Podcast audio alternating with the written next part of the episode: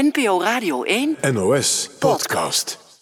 Als zij het kan, waarom hij dan nog niet?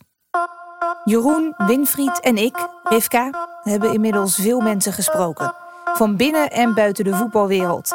En één opmerking komt echt elke keer terug. In het vrouwenvoetbal is het geen issue. En in het mannenvoetbal is het eh, kennelijk nog steeds een taboe. Willen winnen. Er spelen ook een hoop lesbische meiden in. Hoor je daar ooit iets over? Nooit. Sterker nog, je wordt er gewoon eh, mee ingezogen gewoon. Ja, dat is een typisch vrouwelijke eh, eigenschap. Te laten zien wie ze werkelijk zijn. Aan, aan de vrouwen ligt het niet.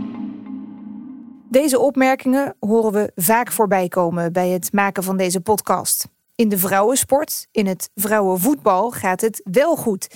En kan elke speelster zijn wie ze is. En dat zie ik van dichtbij. Miedema, Miedema van de Donk is mee. Miedema! Europees kampioen. Ik sta hier met eh, de vrouw van het toernooi en de aanvoerder van de Europees kampioen. Kan slechter. Wat voor toernooi was dit voor jullie? Ik begin met jou. Dat was mijn stem na de EK-finale vier jaar geleden. Ik ben namelijk sportjournalist, gespecialiseerd in het vrouwenvoetbal. Bij elke wedstrijd, elk toernooi van de Oranje Leeuwinnen ben ik erbij. En het valt inderdaad op. Veel voetbalsters vallen op vrouwen en komen daar ook openlijk voor uit. Sterker nog, mijn vriendin was tot niet zo lang geleden profvoetbalster. Maar is LHBTI'er zijn in het vrouwenvoetbal echt zo makkelijk? Je kunt makkelijk een anoniem account aanmaken en zeggen vieze lesbi. Man-wijf, dat hoor ik ook wel veel. En waarom zijn er eigenlijk zoveel lesbische topsporters en zo weinig homo's te vinden? Je voelt een soort vervelende houding hier, omdat, ik dingen zeg die nogal rolpatroonbevestigend en stereotyperend enzovoort zijn. In deze aflevering van De Schaduwspits ga ik op zoek naar de antwoorden en we krijgen onverwachte hulp in onze zoektocht naar de schaduwspits. Ik heb net een mailtje binnengekregen met een tip. Als hij wil praten, dan, uh, dan komen we wel een stapje verder in ieder geval. Je luistert naar De Schaduwspits, een podcast van de NOS. Van Jeroen Gortworst, Winfried Baaiens en ik, Rivka op het veld. Een zoektocht naar buitenbeentjes op het voetbalveld.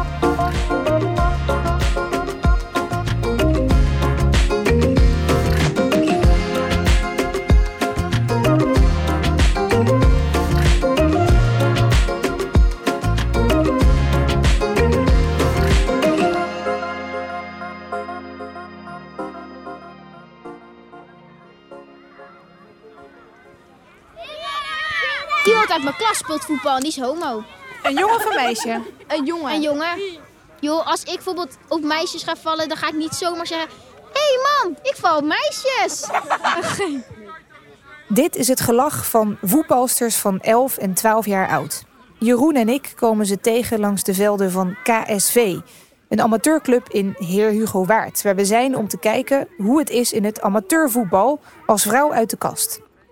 Deze meisjes komen net van het veld af. Het gras en de modder plakt nog aan hun kiksen en de shirtjes van AZ en Chelsea zijn bezweet. Met rode wangen van de training en van de opwinding horen ze aan wat Jeroen en ik hier komen doen. En al snel blijkt, deze jonge speelsters hebben genoeg te zeggen over het onderwerp van onze podcast. Hoe kan dat nou dat het bij vrouwen wel kan en dat we bij mannen niemand kennen?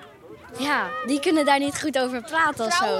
Vrouwen zijn meer openbaar. Nee, nee. Ja, nee, maar het heeft gewoon meer te maken met dat mannen elkaar denk ik niet respecteren elkaar mee als ze gay zijn. Meiden respecteren meer van elkaar dat ze bijvoorbeeld lesbisch zijn... dan dat mannen zouden respecteren dat ze homo zijn. Jongens zijn bang om uitgelachen te worden dat ze niet meer bij horen en zo. En bij meisjes, ik denk dat, dat, dat weet ik niet. Het is anders. Ik zou het wel knap vinden als een uh, man, uh, voetballer... Uh, ervoor uitkomt van uh, hallo, ik ben homo. We verbazen ons over hoe volwassen deze meisjes al klinken. En dat terwijl we hier helemaal niet zijn gekomen voor de meisjes onder 13, maar voor de dames 1 van deze club. Want ik ben benieuwd hoe het voor lesbische vrouwen is om amateurvoetballer te zijn.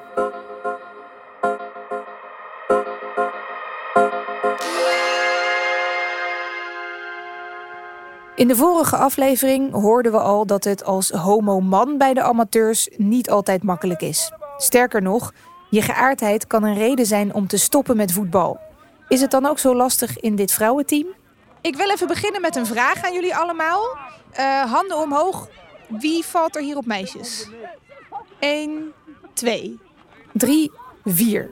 Nou, niet dus. Het is niet moeilijk openlijk gay te zijn in dit voetbalteam. En eigenlijk in heel veel teams niet. Ik deed een oproepje op Instagram om te zien bij welke club ik welkom was. En de berichtjes stroomden binnen. Over teams die voor de helft queer waren, of zelfs bijna helemaal. Over getrouwde stellen binnen één team. Heel veel grapjes ook. Je zoekt een team met lesbiennes. Is dat niet elk vrouwenvoetbalteam? Bij KSV zijn het er dus vier van de veertien. En uit de kast komen, dat was niet eens echt nodig. Nou ja, uit de kast voor mij. Ik heb het wel toen een keer gezegd van, het kwam met de sprake. Het was, oh, oké, nou, oké. Je had zo'n lijstje en ineens stonden er meiden tussen. oh, en toen was het zo van, oh, dat kan ook. Ja, want wij hebben het bij deze podcast heel vaak over hoe belangrijk rolmodellen zijn. En dat je die bij de mannen dus niet hebt. Uh, in het Nederlands vrouwenelftal heb je er zat. Helpt dat jou? Uh, ik moet heel eerlijk zeggen van wel, omdat ik heb zelf profgevoetbald, heel even. En ik kwam daar helemaal nieuw in een heel hecht team. En niemand kende mij daar. En Mhm. dat is toch spannend. En eh, ja, ik had dan heel erg, doordat ik juist bijvoorbeeld in het Nederlands elftal ook zag van dat het wordt gewoon geaccepteerd daar. Dan ga je ook veel relaxter ga je binnen zo'n team eh, spelen. Al snel worden er verklaringen aangevoerd over waarom vrouwen hier dan zo open over zijn. Maar ik denk dat meisjes gewoon heel makkelijk intiemer met elkaar kunnen praten. Dat jongens altijd een beetje mans moeten lopen doen. Hoe kan het dan dat er bij vrouwen eigenlijk exceptioneel veel vrouwen op vrouwen lijken te vallen? Ik denk dat uh, vrouwen het meer durven te zeggen en dat mannen het zeg maar voor zich houden. Dus daarom hoor je meer dat vrouwen op elkaar vallen en niet mannen. Dan kijk ik dus even naar de hetero's hier. Hebben jullie daar dan uh, last van tussen aanhalingstekens? Dat iedereen denkt dat jullie op vrouwen vallen? Nee, nee, nee maar ze zijn wel vaak beter. Dus als je tegen ze moet, dan is het wel intimiderend. Ja, ja. daar hebben we wel last van. Ja, lesbische speelsters. Je hebt er geen last van, maar ze zijn wel vaak beter. Het klinkt luchtig en grappig. En zo voelt het ook bij dit team. Maar toch maken ook deze voetbalsters vervelende dingen mee. Zondag nog vertelt een van de vier speelsters die op vrouwen valt. Isa is een stoer meisje met kort blond haar. Ja, nou, zondag gingen we tegen een jongensteam voetballen. Dus uh, was er jongens om 17. En op een gegeven moment kwam ik in het veld. Nou, ik ben natuurlijk iemand, ik heb kort haar, weet je, ik zie er best mannelijk uit. En, uh, maar ik identificeer mezelf gewoon als een vrouw. En uh, op een gegeven moment maakte zo een jongen die maakte een overtreding. En toen werd de scheids, die floot hem af. En toen werd hij boos. En toen ging hij me hij noemen. En uh, toen werd ik boos. Maar daar wordt dan zo uh, ja, laks over gedaan of zo, vanuit die jongens. Ja, ik vind dat gewoon kut. Ik word er heel boos om. Ja. Wat, hoe reageerde jij? Of kan je dan wel heel erg je rust bewaren? Nou, het is dan beter als ik even het veld uitga. Dat is ook uiteindelijk gebeurd. Toen werd ik eruit gehaald. En, uh, ja, maar je merkt dan toch wel heel erg, zoals wat jij net zei, dat meiden die gaan dan achter elkaar staan of zo. Ik, had ook, ik zei tegen die meiden en die meiden waren meteen zo van, kom we gaan er naartoe, wie, wie, wie, weet je wel. Gewoon, niet per se om iets te doen, maar gewoon om te praten of iets. Dat, en ik denk dat het bij jongens heel anders is. Ja. Dat het eigenlijk een beetje, als dat zoiets gebeurt, dat het gewoon ieder voor zich is dan. En hebben jullie gewonnen dan? Nee. nee. Uh, maar nee. Gehoord. Dat was ja. wel lekkerder voor onze podcast geweest. Dus we gaan ja. het gewoon even opnieuw doen. Nee. Hebben jullie gewonnen dan? Ja, natuurlijk!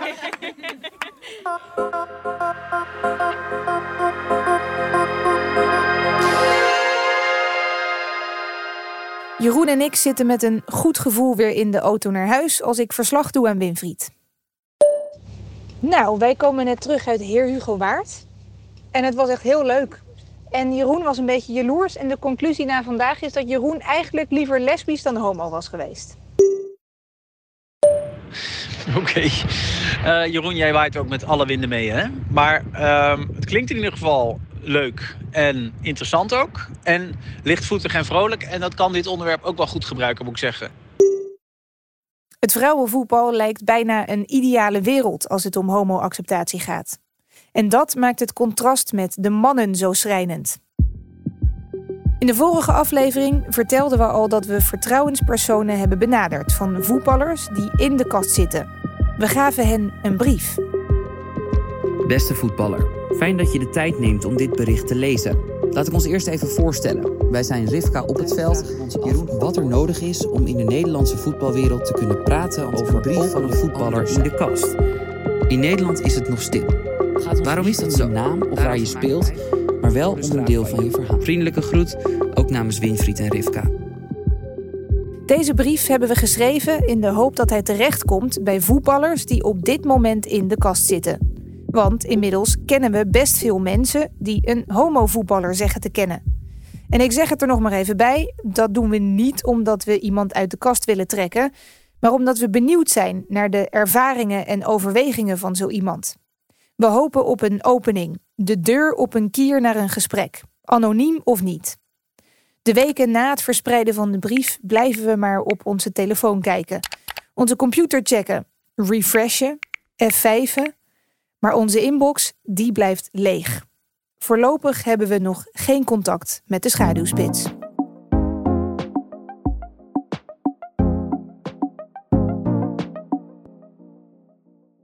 We hebben inmiddels veel meningen gehoord en theorieën over het verschil tussen mannenvoetbal en vrouwenvoetbal. Maar wat zegt de wetenschap? Meneer De Raven, goedemorgen.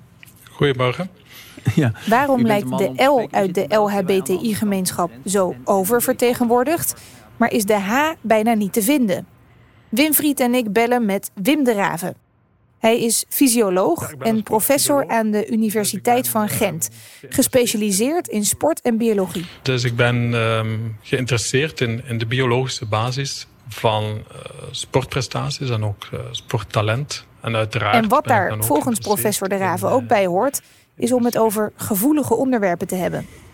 benoemen dat, dat er zowel qua hersenen als qua lichamelijke prestaties verschillen zijn tussen mannen en vrouwen. Dat er sporten zijn waar de ene beter in zijn, waar de andere beter in zijn.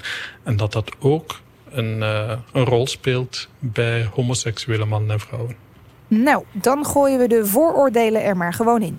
Ja, kan het zo zijn dat homo-mannen gewoon minder aanleg hebben voor topsport en dat we ze daarom dus ook minder terugzien?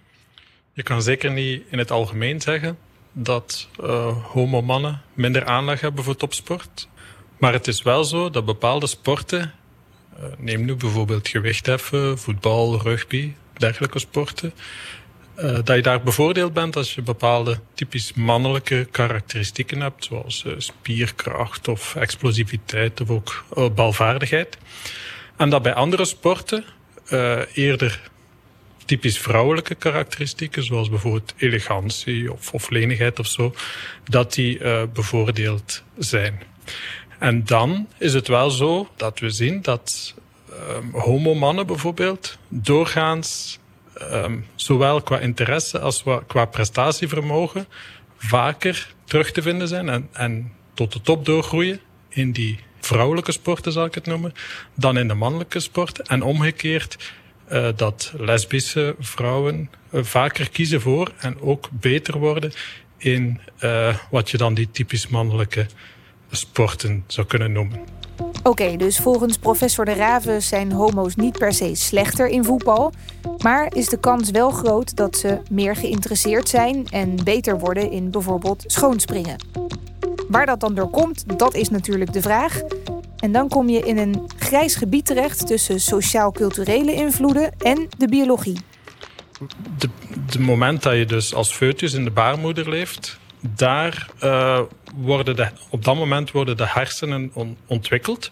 Als je in die prenatale periode blootgesteld wordt aan, aan vrij hoge concentraties testosteron, dan heb je meer kans om op, op vrouwen te vallen. Dat is zo voor mannen, dat is zo voor vrouwen. En omgekeerd ook voor uh, dus lage concentraties, blootstelling aan testosteron, geven nu meer kans op het vallen op mannen. Dus dat zijn dan de hetero-vrouwen en de homomannen. Dit, Hij kan ook gelijk een vooroordeel wegnemen. Dit zegt niks over hoeveel of weinig testosteron LHBTI'ers later hebben. Uh, bijvoorbeeld tijdens volwassen leeftijd maakt het eigenlijk niet meer zoveel uit of je veel of weinig testosteron hebt. Men denkt dat vaak dat, dat homo's weinig testosteron hebben en, en lesbische vrouwen veel testosteron. Maar volwassen leeftijd maakt dat niet uit. Dat is dus de biologische verklaring van je seksuele geaardheid. Maar wat heeft dat met topsport te maken? Volgens professor De Raven meer dan je zou denken. En nu is het zo dat ook de sportprestatie voor een deel bepaald wordt door die blootstelling, die prenatale blootstelling aan testosteron. Dus er blijkt een gemeenschappelijke factor te zijn waarom je in bepaalde sporten later meer aanleg zal hebben of meer interesse zal hebben. en uw seksuele geaardheid. Die blijken een soort gemeenschappelijke oorsprong te kennen um, hm. in de feutale periode. Dus, dus als we dit uh, vertalen naar motoriek en naar sport, dan betekent dat dat uh, uh, ik ben een lesbische vrouw, Winfried is een homoman, dat ik niet per se meer testosteron heb en Winfried minder, maar wel dat ik misschien meer ben geboren om goed tegen een bal aan te trappen en Winfried misschien meer om sierlijk van de duikplank te springen. Gemiddeld gezien wel. Het is een opvallend standpunt anno 2021. In een tijd waarin kinderen soms genderneutraal worden opgevoed, meisjes steeds vaker stoer mogen zijn en jongens juist gevoelig. Toch zegt professor De Raven: er zijn nu eenmaal verschillen tussen mannen en vrouwen en tussen homo's en hetero's. En dat is ook helemaal niet erg. En hij is zeker niet de enige die dat vindt. Dit is biologisch ja, toch wel redelijk goed omschreven. Hè? En, en dat, dat ligt allemaal uh, politiek gevoelig. Maar als je ook bijvoorbeeld uh, aapjes gaat nemen, je geeft die verschillende soorten speelgoed. Dan gaan die mannelijke aapjes uh, vaak andere keuzes maken, actiever, wilder spelen. Bijvoorbeeld kiezen voor een bal. Um, dan bijvoorbeeld vrouwelijke aapjes. Winfried luistert al een tijd aandachtig naar de professor, maar dan moet hem iets van het hart. Ik voel ook wat ongemak, moet ik eerlijk zeggen. En kijk Rivka even aan. Wij zijn natuurlijk allemaal opgevoed in een soort gelijkheidsgedachte. Het mm. maakt niet uit of je nou homo of lesbisch of hetero bent. De wereld ligt voor je open, je kan alles. En u zegt eigenlijk, nou, dat is dus niet zo. Wel, ik, ik vind het heel belangrijk om, om aan te geven. En je, dat is correct, je, je voelt een soort uh, vervelende houding hier, omdat, ik dingen zeg die, die, die nogal rolpatroonbevestigend en stereotyperend enzovoort zijn. Mm -hmm. En, en dit, dit, dit is op, in, in deze tijd heel moeilijk om, om te brengen. Maar ik vind het wel absoluut belangrijk dat we in alle sporten voor, voor diversiteit en inclusie gaan. En dat je, dat je de, de sporten mag kiezen die je wil kiezen. En dat je ook jezelf kan zijn en je, en je kan outen in, in elke sport. Er zijn homo's in de voetbalwereld. Dat weten we. We kennen te veel verhalen. Te veel mensen die contact hebben met mannen in de kast om te denken dat het niet zo is. Maar na dit gesprek met professor De Raven lijkt het wel zoeken naar een speld in een hooiberg. Je gaat ze zeker vinden. Hè? Um, en aangezien ze maar zo weinig zijn, maakt dat het misschien extra moeilijk om zich te outen. Dat kan ik me wel voorstellen. Um, maar uh, het, ik, ik denk wel dat er gewoon minder zijn dan in een gemiddelde populatie, waar dat toch ja, 5 à 10 procent kan zijn of zo. Dat ga je in voetbal um, niet vinden, denk ik. Het gesprek is best confronterend, merk ik. Want het klopt wat Winfried zegt. Ik ben opgevoed met het idee dat niks vaststaat. En ik alles kon worden en doen wat ik wilde, ongeacht mijn geslacht of mijn seksuele geaardheid. Het geeft ook veel stof tot nadenken. Biologisch gezien zijn homo's minder geneigd te gaan voetballen, dat hebben we net gehoord.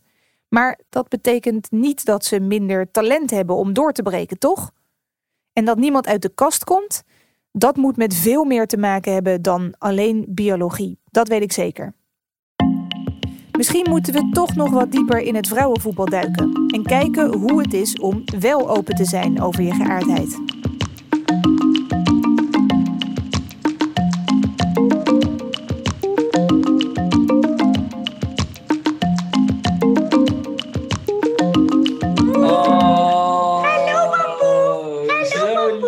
Dit is het geluid dat Jeroen en ik maken als er een puppy verschijnt op ons beeldscherm. Het duurt een paar minuten voor ik ervan hersteld ben, maar ik ben hier toch echt niet voor Bamboe, de toypoedel, maar voor haar baasje. Merel van Dongen is voetbalster. Ze speelt bij het Nederlands elftal en Atletico in het Spaanse Madrid.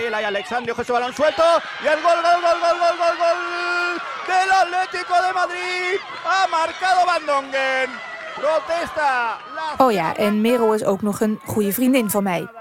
Als je aan homo-emancipatie en voetbal denkt, kom je al snel bij Merel uit.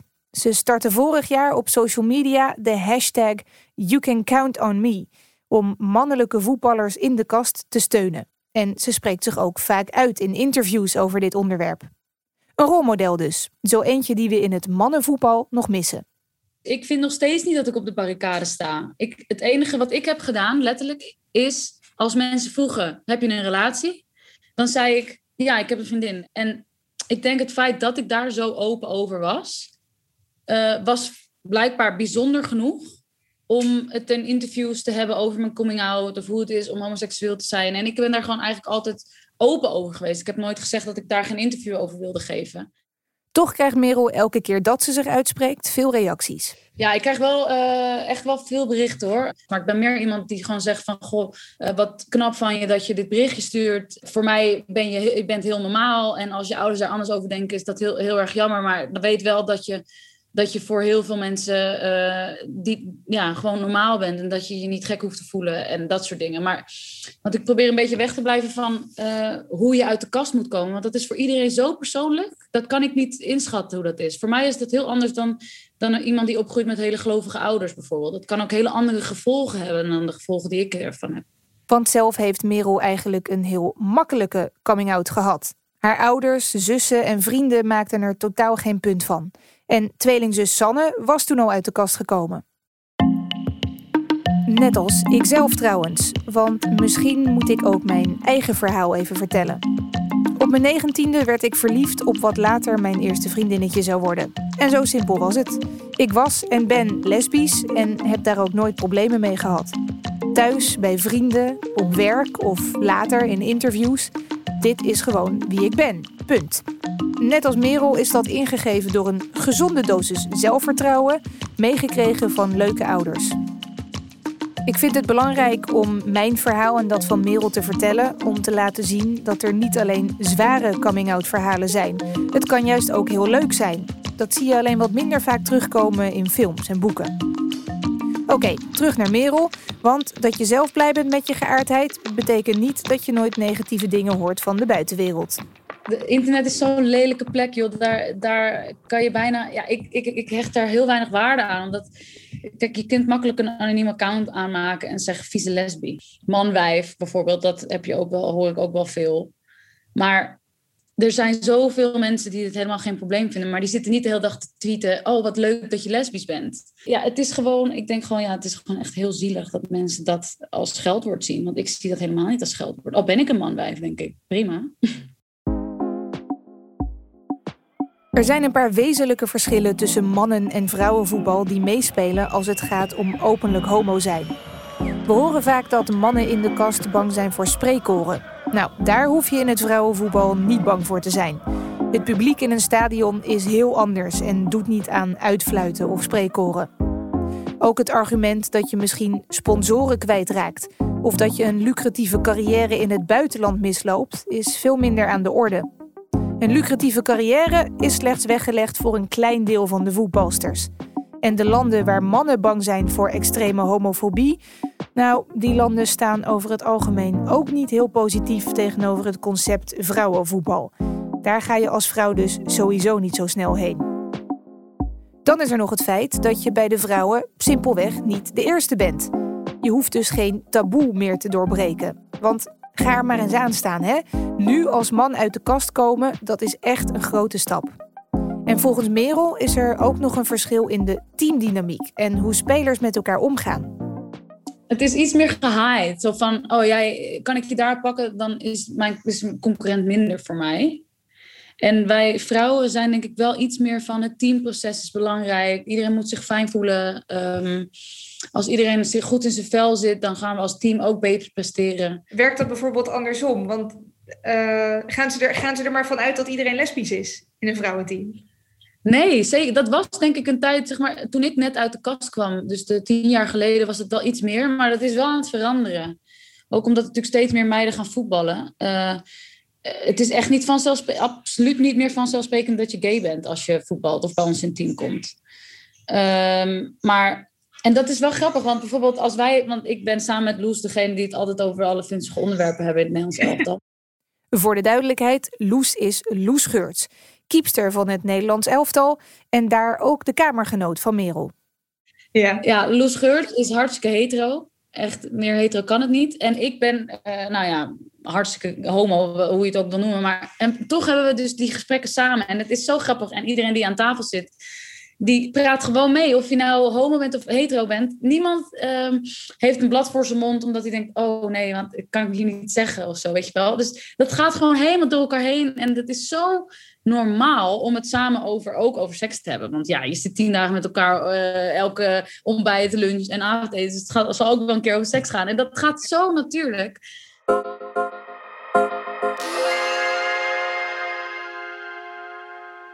Ik heb, uh, ik heb jou eigenlijk de meest basale vraag van deze podcast nog helemaal niet gesteld. Is het belangrijk dat er een man uit de kast komt? Ja.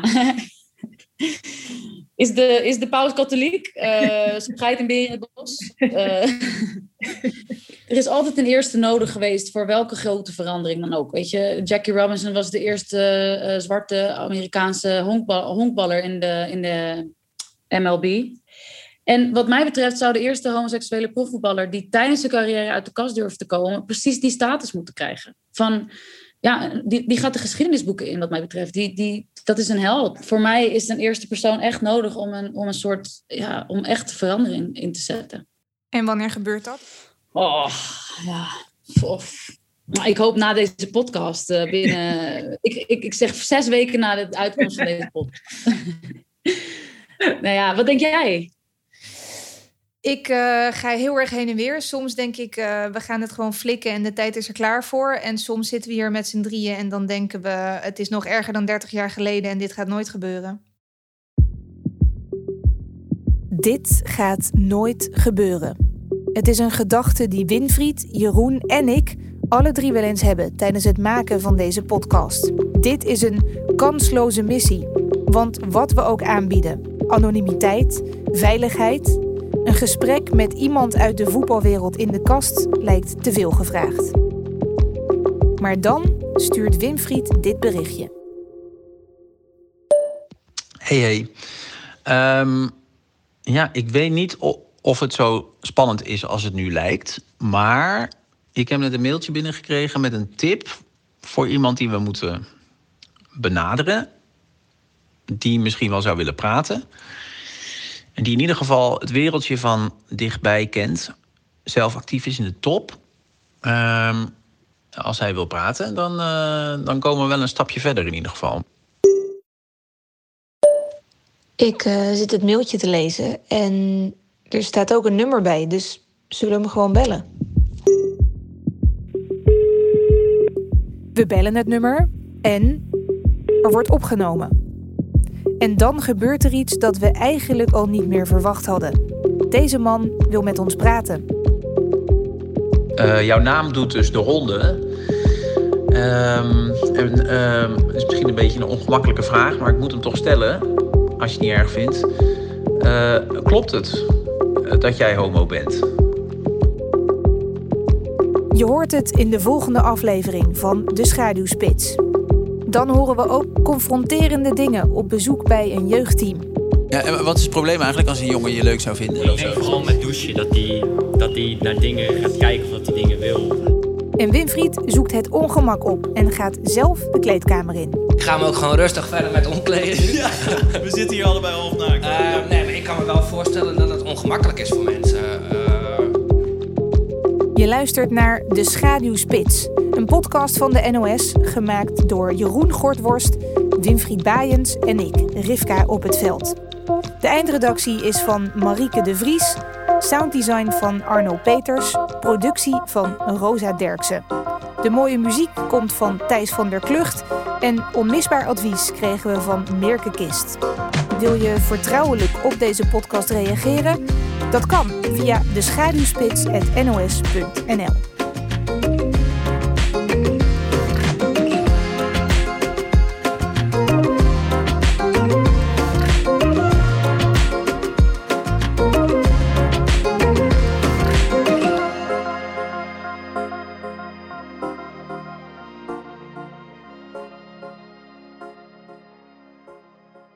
Jij moet vanaf nu geen fouten meer maken. Lesbie. We komen er als lesbische meiden vaak niet al te best vanaf in films en series. Maar hoe staan we er anno 2021 voor? Welke vooroordelen zijn nog springlevend en wat gaat er wel goed? Dat bespreken wij, Vera en Anne Fleur, samen met een gast om de week in de 3FM-podcast Lesbische Liga. Het is raar dat het over identiteit en over seksualiteit gaat. En dat dat elkaar raakt, maar ook soms helemaal niet. Dus je kunt volgens mij prima uit de kast komen, misschien wel vijf jaar voordat je seksueel actief bent. Alleen iedereen associeert het met seksueel actief zijn. De podcast Lesbische Liga check je via de 3FM-app of jouw favoriete podcastplatform.